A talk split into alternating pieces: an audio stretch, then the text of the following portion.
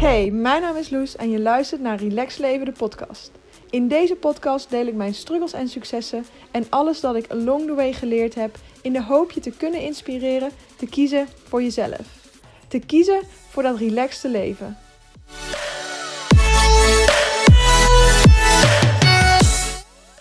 Yes, daar ben ik weer en ik vind het super leuk dat jij ook luistert. In de vorige podcast aflevering had ik het met je over de vijf redenen waarom we eigenlijk echt stiekem een beetje te druk zijn. En vandaag wil ik het graag met je hebben of wil ik je graag meenemen ehm, in de gevolgen daarvan. Die gevolgen die een relaxed leven behoorlijk in de weg kunnen staan. En ik laat je ook zien waarom je daar eigenlijk helemaal niks aan kan doen. Waarom je er niks aan kan doen dat je op dit moment niet relaxed door het leven gaat. Als dat natuurlijk het geval um, is. En daarnaast laat ik je natuurlijk ook zien wat je er dus aan kan doen om wel weer relaxed ehm, door het leven te gaan. En eigenlijk de reden waarom je er helemaal niks aan kan doen is omdat we op dit moment leven in een omgeving waar we gewoon niet voor gemaakt zijn. Er zijn twee bewegingen gaande in, deze, in de huidige maatschappij die eigenlijk gewoon levensgevaarlijk zijn. Waardoor wij eigenlijk een soort van zelfmoord in slow motion plegen. Waardoor wij op jonge leeftijd al chronisch uh, ziek worden. Waardoor we um, constant aanstaan, altijd maar doorgaan. En eigenlijk gewoon niet het gevoel hebben dat we relaxed, um, dat we relaxed leven. En die twee dingen. Um, ja, die worden eigenlijk veroorzaakt door hoe wij in elkaar zitten. En enerzijds, of nou niet eigenlijk enerzijds, hoe wij op het moment dat wij gemaakt zijn als oermens, functioneerden we gewoon in een hele andere omgeving. In een omgeving gekenmerkt door gevaar en schaarste. Terwijl de omgeving in de huidige maatschappij tegenwoordig wordt natuurlijk gekenmerkt door ontzettende veiligheid en um, overvloed. Dus omdat wij nu leven in een omgeving waarvoor we niet gemaakt zijn, gebeuren dus eigenlijk die twee dingen, of zijn eigenlijk die twee problemen um, ontstaan. Hoe zijn wij dan gemaakt? Nou, ons, ons alles bepalende systeem, dus eigenlijk, we hebben één systeem die eigenlijk alles wat wij doen en laten, ons hele bewegen bepaalt. En dat is het centrale zenuwstelsel. En die is dus ontworpen in die tijden en kent dus eigenlijk twee functies: in de God en uit de God. Oftewel het parasympathisch en het sympathisch zenuwstelsel. Het parasympathisch zenuwstelsel wordt ook wel het rempedaal genoemd voor rest en digest. Want in die god was je veilig, kon je ontspannen, kon je chillen, kon je vooral eigenlijk herstellen van dat wat je allemaal buiten de god um, beleefd had. Waren er geen prikkels, was het donker, was het eigenlijk gewoon allemaal heel erg um, fijn. En dan het sympathisch zenuwstelsel, zoals al uit de god, is het gaspedaal voor fight or flight or freeze. Want uit die god ben je in actie, omdat je um, eten moest zoeken, omdat je moest douchen. En daar ligt eigenlijk het gevaar constant op de loer. Oftewel, je moet constant op je hoede zijn. En daarvoor, buiten die god, hebben we dus eigenlijk een x aantal oerinstincten um, ontwikkeld. En het eerste instinct is dus dat we een voorkeur hebben voor heel calorierijk, heel suikerrijk, heel vette voeding eigenlijk. Voeding waar we dagen op um, kunnen teren. Want je wist natuurlijk nooit zeker wanneer je de volgende maaltijd weer kreeg. Dus je moest, je moest um, er zeker van zijn dat je zoveel mogelijk at en zoveel mogelijk energie tot je nam tot die volgende keer. En ten tweede zijn we hypergevoelig voor prikkels. Want elk signaaltje in de omgeving kon duiden op een, op een gevaarlijk iets. Dus alle prikkels in de omgeving, dus de rode besjes, de, de, de voetstappen in de grond, daar moesten we super alert, alert voor zijn. Want dat, dat hield ons tenslotte veilig. En dan de derde instinct is dat we liever lui dan moe zijn. Mocht het niet nodig zijn om op actie te gaan, mochten we niet dat eten nodig hebben, mochten we niet die douche nodig hebben, dan was het simpelweg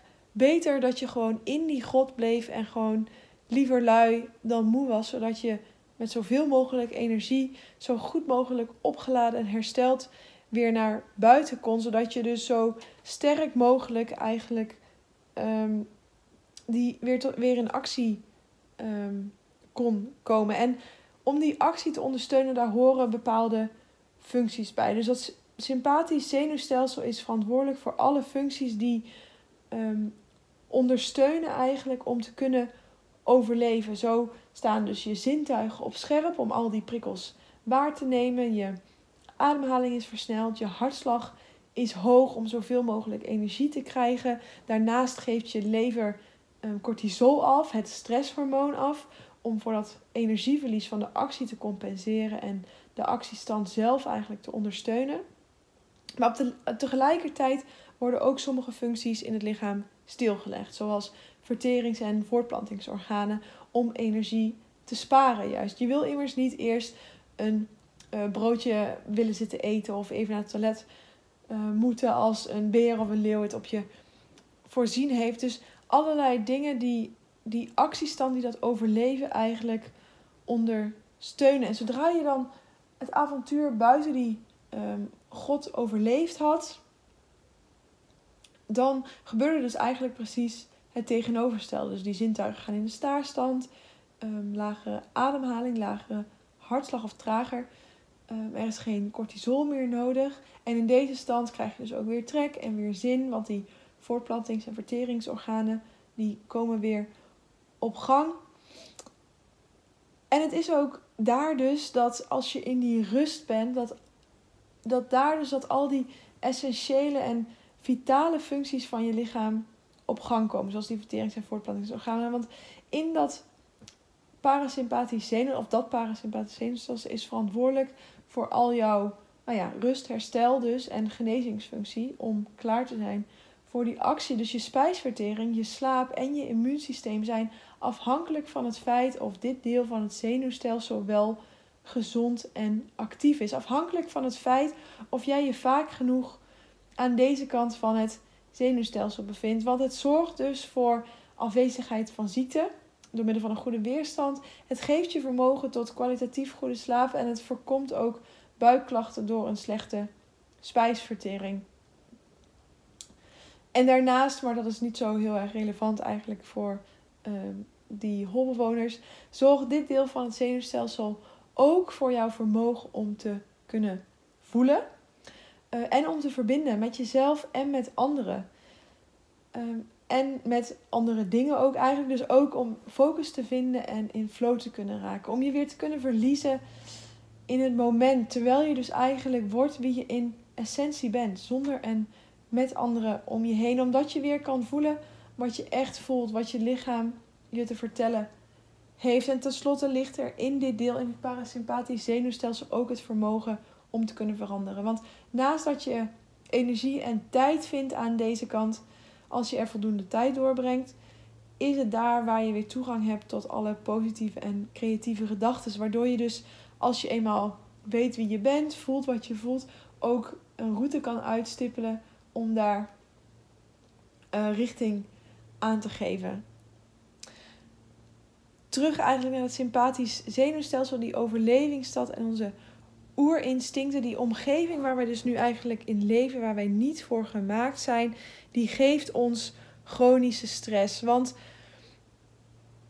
um, eten is op elke straathoek te verkrijgen. Al het vette, suikerrijke, uh, calorierijke eten, dat kunnen wij dus op elke straathoek verkrijgen. Prikkels zijn er in overvloeden. Als we willen, kunnen we echt wel honderdduizend miljoen prikkels per dag tot ons nemen. En onze hele omgeving is zo lekker comfortabel dat het super makkelijk is om te kiezen voor uh, liever lui dan moe eigenlijk. Waardoor we dus chronische stress krijgen. Want het altijd in elk verloren moment het moeten checken van je telefoon, dat geeft chronische stress. Kiezen voor uh, ongezond eten en weinig beweging, dat geeft chronische stress. Alle ballen in de lucht willen houden, te veel hooi op je vork nemen of doen waar je eigenlijk niet echt blij van wordt, dat geeft chronische stress. En die chronische stress die zorgt er dus voor dat we constant zitten in die, in die sympathische kant van dat zenuwstelsel, waardoor heel veel vitale functies eigenlijk tekort schieten en we constant het gevoel hebben dat we aan het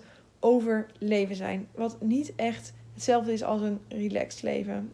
En ja, laat dus een van de natuurwetten zijn dat alles in balans moet zijn om zo goed mogelijk te, fun te functioneren eigenlijk. Dus ook het zenuwstelsel werkt dus het beste, of jij werkt eigenlijk het beste als jouw zenuwstelsel in uh, balans is. Maar omdat je dus in onbalans bent, je zit te veel in dat sympathisch zenuwstelsel, heb je te veel stress, waardoor je dus klachten krijgt. Dus uh, buikpijn, hoofdpijn, misschien hartkloppingen zelf zijn eigenlijk allemaal vage klachten waar we dus maar mee moeten hebben, mee leren leven. Want chronische stress is ergens natuurlijk ook cool. Het geeft aan dat je ook kunt overleven. Het geeft aan dat je ambitieus bent. Dat je alles uit het leven wil halen dat erin zit.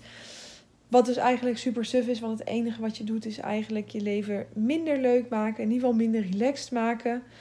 Ehm, en in die overleefstand blijven.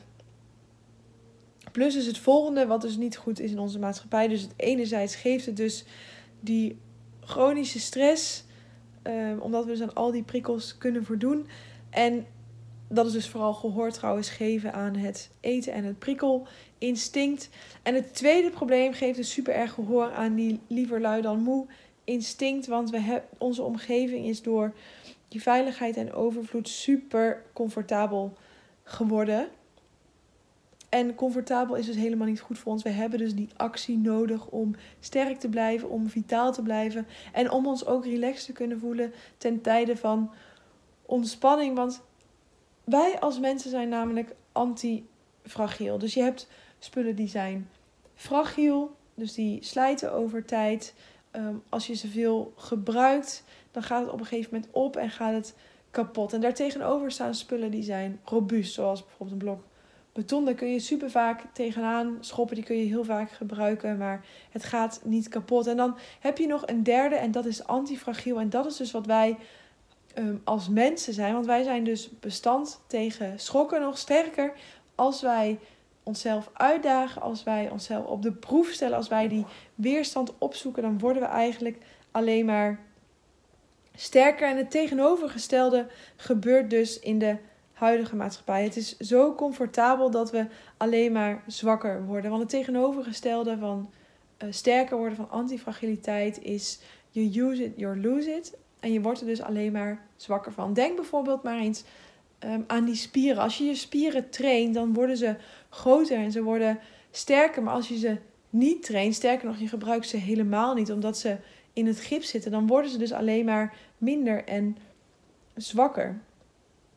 Dus als je deze um, problemen in de huidige maatschappij, deze twee dingen in de huidige maatschappij, die dus eigenlijk helemaal verkeerd zijn voor ons en die een relaxed leven compleet in de weg staan, um, als je die zou zien op een weegschaal, dan ziet het er als volgt uit. De ene kant van die weegschaal heb je de draaglast, dus dat is de hoeveelheid stress die je um, die er is. Dus die stress die chronisch is geworden in de huidige maatschappij. En aan de andere kant van de weegschaal zie je de draagkracht. Dus dat is de hoeveelheid stress die je eigenlijk kunt handelen.